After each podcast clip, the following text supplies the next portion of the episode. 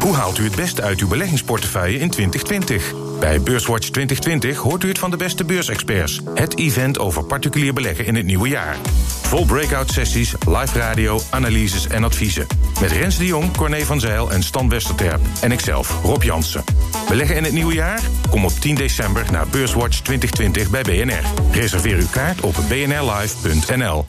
BNR Nieuwsradio. Beurswatch. Rob Jansen. Welkom bij Beurswatch, het beleggingsprogramma op de Nederlandse radio. Met Arend Jan Kamp van IEX.nl en Jos Versteeg van Insinger Gillissen. Welkom.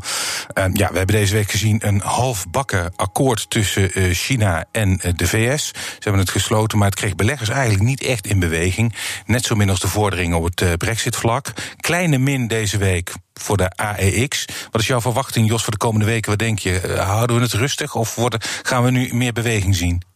Ik denk wel dat je meer beweging gaat zien, omdat we zometeen uh, toch het cijferseizoen uh, verder gaan bekijken. Nou, je ziet wel dat op de beurs uh, de angst voor recessie een beetje begint weg te ebben. Dus ja, het ziet er wat dat betreft wel redelijk uit. En als jij in je glazen bol kijkt, Arend Jan, wat zie jij? Nou, ik had liever gezien dat de Ajax deze week even een nieuw topje had neergezet. Dat is helaas niet gelukt. Ja. Ik ben zelf wat sceptischer. Bijvoorbeeld vandaag zijn er vier pardon, vier Franse bedrijven uit de kakkeran 40, dus 10%, die komen met een omzet- en winstwaarschuwing. Dit, uh, dit uh, cijferseizoen is niet best. Het was de week waarin ASML zijn cijfers over het derde kwartaal publiceerde. CFO Roger Dassen is tevreden. Zeker in het licht van het feit dat de geheugenmarkt wereldwijd uh, ja, best wel uh, wat issues heeft, uh, zijn we toch uitgekomen op het resultaat waarvan we begin dit jaar hebben aangegeven dat we dachten dat we daar zouden landen. En dat is denk ik een hele mooie, krachtige performance van ASML. En de Amerikaanse minister van Financiën, Steven Mnuchin, houdt vol dat er vooruitgang wordt geboekt in de handelsoorlog met China. We have a fundamental agreement. It is subject to documentation, and there's a lot of work to be done on that front.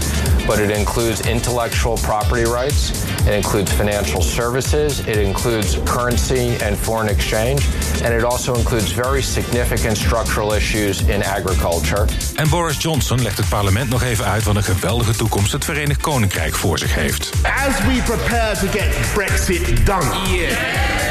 By October the 31st, we are setting out now our vision of an open, global, free trading United Kingdom, a high wage, low tax economy with the highest environmental standards, new protections for animal welfare, the best place to invest. The best place to invest. Een mooi visioen van Boris Johnson, die een gouden toekomst dus voorziet voor de Britten. Moet die deal natuurlijk wel, die hij gesloten heeft met de Europese Unie. Um, en die vrijwel hetzelfde is als de deal die um, Theresa May heeft uh, uh, bedongen. Door het parlement uh, geloodst worden. Dat gebeurt morgen. Jos, zit jij morgen aan de buis gekluisterd wat er gebeurt in het Britse parlement? Ja, ik ben wel heel benieuwd. ik luister naar de radio natuurlijk, hè. maar, maar ik ben heel benieuwd of hij het haalt. kijk, de DUP, die was aanvankelijk heel stil. Want die wilde dat natuurlijk totaal niet de unionisten om een grens tussen Noord-Ierland en Engeland te krijgen. Dus hij moet een stel mensen van Labour overhalen. Maar of de Labour nou de Tory prime minister wil redden, dat betwijfel ik ten zeerste. Arend Jan, ja, ik, ik zag vandaag ook alweer berichten dat die stemming alweer wordt uitgesteld met een week. Dus oh. ik weet niet helemaal hoe het gaat. Nou, ik, alsof, ik, dat, dat, is opmerkelijk, want alsof ze zoveel tijd hebben.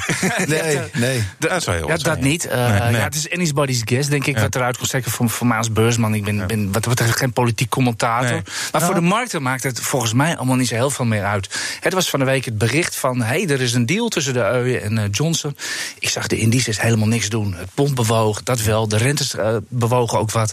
Maar ik zag aandelen niet bewegen. Nee, ook niet als die door het parlement komt. Stel, er is morgen wel die stemming en het wordt aangenomen. Zie je, verwacht je dan ook geen grote reactie? Nou, ik denk wel dat het een opluchting is hoor. Het, is, is, toch bij binnen Europa speelt het wel. We hebben de handelsoorlog natuurlijk tussen met Amerika. Mogelijke extra tarieven op auto-exporten. En ja, het is, het is wel een. Het gaat al niet zo makkelijk. Dus het is wel een extra negatief ding inderdaad. Als het niet door zou gaan. Dus als het wel door zou gaan, ja, dan verwacht ik wel een positieve reactie. Ja, um, en je noemt al even die, die handelsoorlog. Um, we hoorden net Steven Nutch Chen. hij vindt het een mooi voorlopig akkoord. Maar ook daar werd eigenlijk, zeker in de loop van de dag, werd het vrij lauw ontvangen door beleggers. Waarom? Ja, er zijn heel veel onzekerheden. De Chinezen die willen heel graag dat die tarieven meteen minder worden. En dat hebben ze, dat hebben ze nog niet gezegd. Dat dat gaat gebeuren. En het duurt nog eventjes. Pas als die, die top in Chili er is, waar Trump met Xi Jinping kan spreken. Dan zullen we iets definitiefs gaan zien. En de Chinezen hebben ook heel duidelijk gemaakt dat ze geen alomvattend akkoord wilden. Wat Trump wel wil. Dus nou, het zal wel een behoorlijk uitgekleed, behoorlijk uitgekleed pakket zijn. Ik denk ook dat die handelsoorlog, en misschien moet je het niet eens als een handelsoorlog zien, maar een soort van koude economische, technologische oorlog tussen China en VS. Ik denk dat die wel hier te stay is. Ja? Nou, ik, ik, vond het eigenlijk ook wel heel typerend vandaag. Het was vandaag een Chinese eh, BBP-cijfer. Nou, de hele markt weet dat dat een beetje een, een cijfer uit de grote duim is. Dat was 6,0 procent, zelfs beneden de consensus. Dus met andere woorden, China maakt ook helemaal geen geheim van dat, dat ze schade lijden door die handelsoorlog. Maar ze houden gewoon een poot stijf. Dat is een duidelijk signaal, denk ik. Ja, ik schrok ervan dat die. Ik, toen ik het zag, dacht ik van nou 6,0, dat is nog keurig binnen die marge van 6, 6,5, uh, wat de doelstelling is voor de Chinezen. Wij kunnen er alleen maar van dromen. Dus, ja, dus ik vond het allemaal wel heel prima. Toen schrok ik wel toen in, in Azië zo negatief vanochtend erop gereageerd werd. En vandaag hadden we ook een negatieve dag daardoor. Je zag de olieprijs flink onderuit gaan. Men maakt zich daar toch wel zorgen over de markt van, van hoe het China raakt. China zelf inderdaad, heb je gelijk in, die maken zich er niet zo heel veel zorgen om. nee, die houden een poot stijf. Hm. En ik wil ook eventjes naar volgende week kijken, iets heel anders. Vandaag is Christine Lagarde door de Europese Raad officieel benoemd als president van de ECB. En dat termijn gaat volgende week vrijdag in. De dag ervoor is het de laatste rentebesluit onder leiding van Mario Draghi. Um, wat verwacht jij van dat besluit en van die meeting, Jos? Van die meeting zal denk ik uh, niet zo heel veel nieuws uitkomen. Draghi zal zeggen dat de overheden wat meer moeten stimuleren. De centrale bank heeft zijn uh, gereedschapskist uh, vrijwel uitgepakt. En ja, verder heeft hij over zijn graf gereageerd natuurlijk. Omdat hij die, de obligatie inkopen van 20 miljard, dacht ik, per ja, maand ja, heeft ingevoerd. En gezegd heeft dat de rente voorlopig nog heel erg laag blijft. Misschien zelfs nog wel een extra rentedaling komt. Dus ja, hij heeft zijn, zijn pad uitgezet. En Christine Lagarde moet het dan maar verder uit gaan zoeken. Ja, ik, ik, ik, vraag me eerlijk gezegd wel af hoe stellig dat pad nou is. Want het is natuurlijk wel die 20 miljard is met onbepaalde tijd. Ja. De eerdere programma's waren met bepaalde tijd. Dus bij wijze van spreken kan in december bij eerste beste rentebesluit... kan Lagarde dat programma in principe al stopzetten. Ja, dus ik vraag, nou, er is of ze dat doet is een ja. andere vraag. Maar Draghi deed dat zelf ooit ook. Toen hij acht jaar geleden ja. SCB-president was, het eerste wat hij deed was de rente verlagen. Bij het eerste beste rente. Ja, dat kwam dat ervoor Trichetti die enorme fout had gemaakt om de rente te verhogen, inderdaad. Ja. Maar ja, ik, ik vraag me af of de centrale bank sowieso wil durven zwalken. Maar het speelt wel heel erg, hè, het beleid van Draghi. Hmm. Dat, heeft, dat doet enorm zeer. Ik zag een kaartje bij Bloomberg.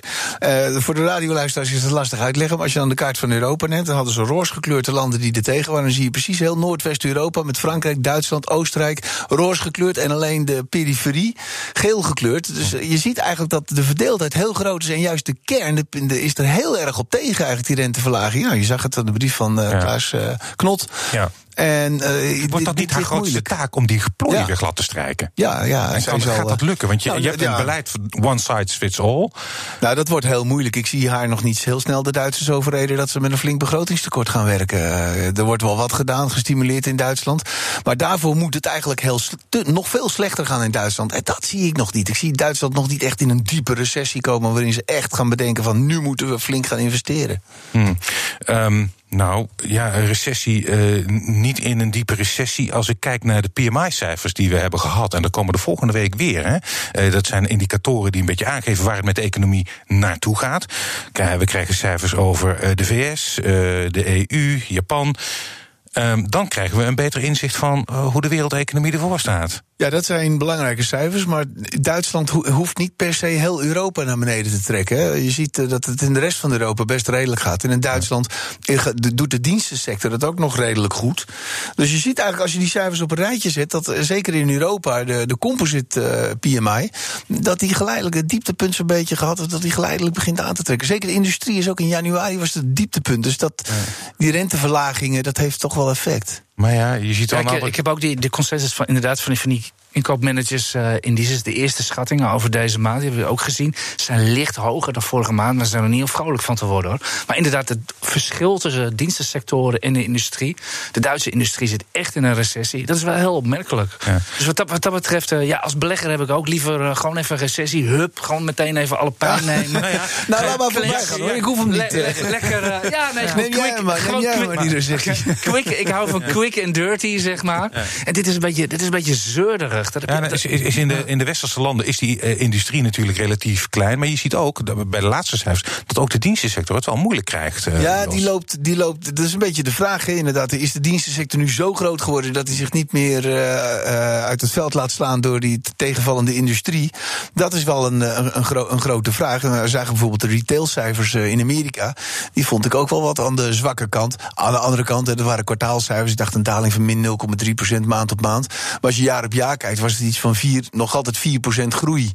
Dus ik denk dat dat in Europa, of zeker in Amerika, wel meevalt. Uh, kijk naar de consument. Uh, ze hebben allemaal baan. Uh, de lonen groeien. de huizen worden nog altijd meer waard. Dus ik zie dat niet zo snel gebeuren. Ja, wat dat betreft is het ook wel een heel verschil met inderdaad recessies vroeger. Dan had je inderdaad hoge werkloosheid, begrotingstekorten. Opvallend verschil. Ja, en een renteverlaging. Zometeen dan praten we verder over beurs en economie. Onder andere over de cijfers van ASML en Unilever. Nieuwsradio. BNR Beurswatch. We bespreken de belangrijkste beursontwikkelingen van deze week. En dat doe ik met Arend Jan Kamp van IEX.nl. En Jos Versteek van Insinger Gillissen. Maar eerst maken we even de balans op van de afgelopen week. De AEX die sloot op uh, eh, 572,7 punten vandaag. Dat is 0,8% lager dan vorige week. Stijgers. Op nummer 1 uh, staat Unibuy Rodamco Westfield. Het vastgoedfonds kreeg er in een week tijd 3,9% bij. Op 2 ING met een plus van 3,3%. En op 3 Axonobel met een plus van 1,4%. En het midcap aandeel dat het best presteerde deze week was Fugro. Met een plus van 22,2%. Dalers. Dalers. Op 1 uitgever Relax met een min van 4,7%. Op 2 ASML met een verlies van 3,5%. En op 3 Adyen met een min van 3,4%. En in de midcap was de grootste aandeler deze week TomTom. Met een min van 4,9% en de AEX is deze week vier van de vijf handelsdagen lager gesloten. Ik wil aftrappen met ASML. Op één na grootste weekdaler. Als je kijkt naar het hele jaar, dan is het aandeel wel, moet ik zeggen, staat er nog altijd ruim 66% in de plus. Uh, ja, ja. Uh, is niet mals. Um, Jos, uh, de cijfers van uh, ASML zijn niet super enthousiast uh, ontvangen op de beurs ordeboek beter gevuld dan ooit. Uh, nou, het ordeboek vond ik juist heel erg goed. Nou, ik denk dat vooral was dat uh, de dag daarvoor. Was, werd, uh, nou, dat werd dan niet bevestigd, maar het werd bekend uit de Herald-krant uit Korea. dat ze 15 orders voor EUV-machines had gehad, hadden gekregen. Dat hadden ze wel in het persbericht gezet dat er 23 orders binnen waren gekomen. waar er normaal een stuk of tussen de 5 en de 10 komen. Dus daar kun je wel, als je een beetje kan tellen. dan kun je wel zien dat er die 15 van Samsung daarin zaten. En toen ging de koers fors omhoog. Dus dat was een. Uh, ja, het goede nieuws was al geweest. Ja, het Was, was, de hele week. Uh, de week daarvoor was de koers echt al heel hard opgelopen. Dus wat dat betreft. Was 30 procent in de afgelopen week in de Ja, dus, dus het was wel een beetje bezit van de zaken. Uh, Oké. Okay. kijken we eventjes niet naar de koersreactie. Jij zegt mooie cijfers. Ja, ik vond het fantastisch. Ik vond vooral die orderportefeuille vond ik heel erg goed. En vooral ook als je kijkt naar wat ze voor de toekomst zeiden. Was er één ding was er wel waar je een beetje zorgen over kon maken. Je liet het ook in die quote horen van Roger Dassen. Kijk, uh, die koers begon op te lopen de afgelopen weken. Omdat het bij de geheugenproducenten. Of ja, de geheugenproducenten redelijk goed ging. Micron, Samsung Electronics, die hadden cijfers gebracht. En dat was redelijk goed. Je zag de prijzen daar wat stijgen. Dus toen had iedereen ook zoiets van. Nou ja, het gaat goed in die geheugenmarkt. Dat is ook goed voor ASML, voor de orders zometeen. En toen liet uh, Peter Wenning in, in, in het bericht, bij het persbericht, ook zeggen. Die zei ook van, van ja, zoals de markt er nu voor staat, is het niet zoals het in 2018 was. Heb het Capital Market Day in november. Hmm. Dus toen begon iedereen toch ook wel een beetje te twijfelen van, van ja, wat is er dan zo slecht in die geheugen? En toen zei hij gelijk, en dat denk ik ook zo, van kijk, als die geheugenmarkt eenmaal aantrekt en je ziet, ik vind, ik zie al aantrekken, dan gaat het hard. Kijk, als Samsung 15 van die machines verstelt, drie per jaar, dan ziet Hynix en, uh, en uh, Micron ook van, van we gaan achterlopen. Want hmm. die EUV-machines die geven een enorme productiviteitsverbetering. Dus als er één schaap over de dam is, dan volgen er meer en dan gaat het hard. Daar ga ik vanuit. Ja, er waren toch 23 bestellingen voor die EUV-machines. Totaal 23, ja. ja. 23. Ja. Het maakt alleen niet bekend aan wie ze precies verkocht worden. Hè? Nee, dat snap ik wel. Dat is natuurlijk heel strategisch heel belangrijk inderdaad. Ja, maar dat is wel interessant. En nog geen ook, hè? Het is... Nee, maar kijk, wat interessant is van ASML... die hebben natuurlijk al die data van alle, alle chipmachines op de wereld. Dus zij weten ontzettend goed hoe de productie is, hoe het aanbod is. Als je, als je naar iemand moet luisteren hoe, het is, hoe de semiconductormarkt ervoor staat... dan is het ASML wel. Hmm. Bijna alle machines draaien op ASML. Uh, Nikon en Canon zijn nog maar zo klein. Must-have voor beleggers? Ik vind het wel. Ik heb mijn koersdoel verhoogd naar 265 euro. Dus uh, ik denk hebben. Ik vind het ook. Ik bedoel, het is een prachtig aandeel. Het werd trouwens uh, van de week werd het voor het eerst meer dan 100 miljard euro waard. Uh, ASML. Ja. Felicitaties voor de Veldhoven. Ja. het, is ook, het zit ook in de portefeuille van Janssen Belegd. Mijn maandelijke, ah. wekelijkse beleggingsgebied. Goed, en, een topper goed, daarin ook. Heel goed. 30% erbij. dat is, Unilever zit ook in de portefeuille van Janssen Belegd. Deze week ook met omzetcijfers gekomen. Um, Jos, groei in opkomende markten, maar daling in Noord-Amerika, Europa. Huishoudelijke verzorging, dan moet je denken aan merken als Omo, die deed het beter dan de voedingstak. Koers steeg er licht op. Wat, ja, ik was aanvankelijk, aanvankelijk was ik wel uh, voorzichtig met Unilever. Ik vond die groei van 3%, uh, die ook verwacht werd, vond ik al heel erg weinig. En als ze dan ook nog eronder komen met 2,9%, werd ik een beetje zagrijnig van. Maar ik moet zeggen, als je het vergelijkt hè, met jaar op jaar, dan uh, hadden ze een enorme lastige vergelijkingsbasis. Vorig jaar hadden ze enorm profijt van de staking van de uh, truckdrivers, uh, vrachtwagenchauffeurs in Brazilië. En precies in het derde kwartaal was dat afgelopen. En toen moesten al die leveranciers moesten, de her herbevoorraden. Ja. dus dat was een heel goed kwartaal. Plus een hele mooie zomer. Voor het ijs natuurlijk slecht als je dat vergelijkt met de afgelopen zomer, die wat minder was dan vorig jaar. Dus de vergelijkingsbasis was heel, heel zwak. Maar ik vind wel voor een bedrijf wat zo'n exposure heeft naar opkomende markten, als je dan met een doelstelling komt van 3 tot 5 procent en dan in de onderkant van die 3 procent blijft hangen, vind ik erg zwak van Unilever. Ja, kan beter. Uh, inderdaad, het kan en het moet ook beter. Maar ik, wat dat betreft vind ik het wel heel op, opgevend. Kan iemand die luistert, weet, weet de naam van de topman van Unilever? Ik denk dat bijna niemand het weet. Oh, sorry, Jij weet het wel. Alan Joe. ik vind het een heel goed teken. We hadden natuurlijk vorig jaar met Paul Polman. Die was dagelijks in het nieuws, continu toestanden. Deze meneer heeft het hele jaar nog niets van zich laten horen. Ja. Ik hoop van harte dat hij bezig is met zijn werk. Namelijk nieuwe strategie uitzetten. Uh, nou. kleine overnames doen. En dan natuurlijk vooral... Nou, ja, daar, daar kan ik wel iets over zeggen hij heeft volgens mij al aangegeven dat hij. Eh, vroeger was de trend minder merken, maar hij wil juist weer meer merken. Hij gaat plastic uitbannen, hij is heel erg op de duurzaamheid. Heel, mooi, heel voor. Um, uh, dat maar was goed. deel 2 nou, van mijn verhaal. Wat het, probleem, wat, wat het probleem is bij Unilever, vind ik bij die beauty and care. Dat was ook nu weer in het uh, derde kwartaal een, een van de slechtste groeiers, minder dan 3% En er was, vroeger was dat echt uh, beauty en, en, en hoe heet het zelf, care, verzorging, ja, persoonlijke verzorging. Ja, ja dat zou heel goed moeten groeien. En dat, als je naar de concurrenten kijkt, L'Oreal en zo doen het daar heel goed. En dan zie je bijvoorbeeld dat ze bij hair, haarverzorgingsproducten, in Amerika heel zwak zijn. Mm. En daar zie je concurrenten zoals L'Oreal en Estée Lauder die doen het veel beter. En ook in China waren ze daar zwak. En daar zouden ze eigenlijk wat uh, overnames moeten doen om, om die activiteiten te versterken. Mm. Nou ja, wat dat betreft, ik bedoel, ik zei het al, de vorige topman die kwam met een zesje weg. Eh, dat was een beetje de recensie van de markt. Er is inderdaad een hoop te verbeteren bij Unilever. Ja, ik, maar ik ben een lange termijn belegger. Ik kijk naar het trackrecord van, van Unilever. Ja, dan vind ik het een no-brainer. Ik bedoel, het dividend groeit al bijna 50 jaar met, met 8% per jaar. Ik bedoel, Precies. ja, waar hebben we het over? Ja. Laten we ook uh, nog even uh, vooruit blikken. Uh, want volgende week komen er ook cijfers uiteraard. Het seizoen is in volle gang. Onder andere Fugro. Uh, Jos, uh, Fugro is uh, deze week opmerkelijk gestegen. Uh, 22,2% volgens mij op advies. ja, Thijs Berkelder van ja. ABN AMRO. Die is eindelijk, de laatste beer is om, zeg maar. Ja, ja. ja iedereen was positief over Fugro. En Thijs was altijd terecht. En dan moet je hem echt bij nageven. Dat had hij goed gezien. Heel negatief over Fugro. En hij is om. Ik had nog geen tijd meer om, om te lezen wat hij nou precies geschreven had. Maar ik ben zelf ook, denk ik ook dat ze het uiteindelijk wel redden. Maar het is een enorm risico. Je loopt echt, des te lager die koers gaat, mochten ze met een claimemissie moeten komen, ja, dan ben je natuurlijk enorm wat je totaal verwaterd. Dus het is een enorm riskant spelletje. Ja, ja dat is ook wel een beetje de, de crux, om even een beetje context te geven. Inderdaad, ABN AMRO, die, die zette dat een jaar geleden, meen ik, op, op, eh, op, op 6 euro of iets dergelijks. En die gaan echt uit van een emissie. Maar dat gaan ze nog steeds. Ze hebben weliswaar het eh, aandeel nou iets opgewaardeerd. Ze hebben het op hold gezet. Maar ze gaan nog wel steeds uit van een emissie, bij mijn weten. Dus ja, je zegt het al, dat wil je echt niet weten. En Uh, wat dat betreft, is de Fugro moet over uh, twee jaar, 2021, moeten ze een convertible gaan aflossen. Het gaat over 90 miljoen. Mm. Ja, dat is kiele kiele. Bij ons, mijn collega's van, uh, van de Eerste Beleggersdesk, die noemen het nog altijd Fugro dubbeltje op zijn kant. Ja, al, ja het, het, is, het, is echt, het is echt gewoon ja, kop of munt. Ja. Je ziet inderdaad, maar je, en dat, dat is de reden waarom die bij ons nog op aanbevolen staat. Omdat die markt wel verbetert. Vandaag hadden we cijfers van Schlumberger, is toch de leider in die oilfield services.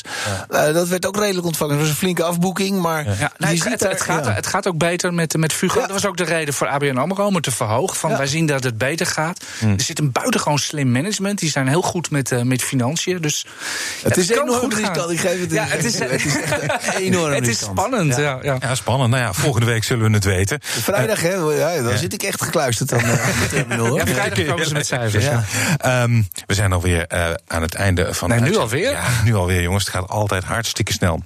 Dat betekent dat uh, jullie een tip mogen geven. Uh, want nu zijn de luisteraars uh, gekluisterd aan jullie. Ja, mag, mag, ik, mag ik tien seconden extra van je pikken, Robert? ik wil even iets over Kiadis zeggen. Wat vandaag, de biotech die vandaag gehalveerd is. Ik had veel lezers die vroegen mij van, moeten we nu instappen? Kiadis, farmaciebedrijf. Ja, ja. Dit, is een, dit is een biotech. En dit is precies de reden waarom een biotech zo ontzettend risicovol zijn. Als een middel geen toestemming krijgt, ja, dan kan er inderdaad meer 50% op het bord staan. Net zo goed als dat het heel hard omhoog gaat als er wel toestemming komt. We weten het van Galapagos. Nee, Kiades is nu niet, nu het gehalveerd is, zo een, een echte no-brainer om het zo maar even op te pikken. Want de beleggingspropositie is geheel anders. Je moet helemaal terug naar de tekentafel. Het, het bedrijf is, is één, twee, misschien wel drie jaar teruggeworpen in de tijd. Hoe gaan ze het allemaal opnieuw financieren? Het is echt weer helemaal blanco. Dus er valt niets te zeggen of je nu even zo even ze kan op, opfrissen. Nee. Nee. Moet ik mijn tip nog geven? Hè? Ja. Ik, uh, ik hou het even heel voorzichtig. Ik weet niet waar de, waar de markt heen. Nou weet ik dat nooit. Maar ik, uh, ik, ik, ik, ik, voel er even niet zo goed bij. Dus ik kies een hele veilige opties. Ik tip Eurocommercial Properties. Dat is een vastgoedfonds. Die komen over twee weken met cijfers. En een week daarna gaan ze ex-dividend. En dat dividend is 2,18 euro. Als u dat door de koers deelt, komt u op 8% Ik zou zeggen, pak even lekker die 8% mee. U denkt misschien, ja, dat is een sigaar uit de eigen doos. Want dat dividend gaat straks natuurlijk weer uit de koers. Maar meestal wordt dat dividend altijd vrij snel weer ingelopen, zoals dat heet. Loopt het er weer uit. Dus dan kan u misschien net even in een paar weken 8% pakken. Euro Commercial Properties, Jos? Mijn aanbeveling is, zoals dat dan heet, opinie. Opinie ja. is, uh, is Bezi. Daar ben ik heel positief over. Er is 100% gestegen al, maar die koers kan nog veel verder omhoog. Koersdoel is 40. En het komt vooral omdat zij fundamenteel hele sterke positie hebben in de back-end markt. Eigenlijk het verpakken van dice, de ruwe chips. En daar gebeuren technologisch heel veel veranderingen. Daar hebben zij machines voor ingewikkeld. Je ziet dat ze in cycli van vier jaar werken. Ze zijn nu halverwege een cyclus. En je zal zien dat in de komende tijd er vijfde generatie netwerk tot hele nieuwe semiconductoren leidt, nieuwe stoffen ook. Uh, siliciumcarbide, uh, siliconcarbide, na, galliumnitride. Ik ben geen scheikundige, hoor je al. Dat zijn hele nieuwe materialen. Weet dat je een enthousiaste hobbykok bent, hè? Ja, ja, ja, nee, maar dat gaat. Ik ben er echt heel positief over. Dat okay. is een goed bedrijf met een ijzersterke balans. En zelfs voor zo'n bedrijf een heel hoog dividendrendement. Bezi en Eurocommercial Properties. Hartelijk dank. Josse Steeg van Insinger Gillissen en Arend Jan Kamp van IEX.nl. Dit was Beurswatch. Als u wilt reageren, dan kunt u een mail sturen naar beurswatch.bnr.nl of tweeten naar Beurs. Terugluisteren kan via de site, de app, iTunes of Spotify. En graag tot volgende week. Hoe haalt u het beste uit uw beleggingsportefeuille in 2020? Bij Beurswatch 2020 hoort u het van de beste beursexperts. Het event over particulier beleggen in het nieuwe jaar. Vol breakout sessies, live radio, analyses en adviezen. Met Rens de Jong, Corné van Zijl en Stan Westerterp. En ikzelf, Rob Jansen. Beleggen in het nieuwe jaar? Kom op 10 december naar Beurswatch 2020 bij BNR. Reserveer uw kaart op bnrlive.nl.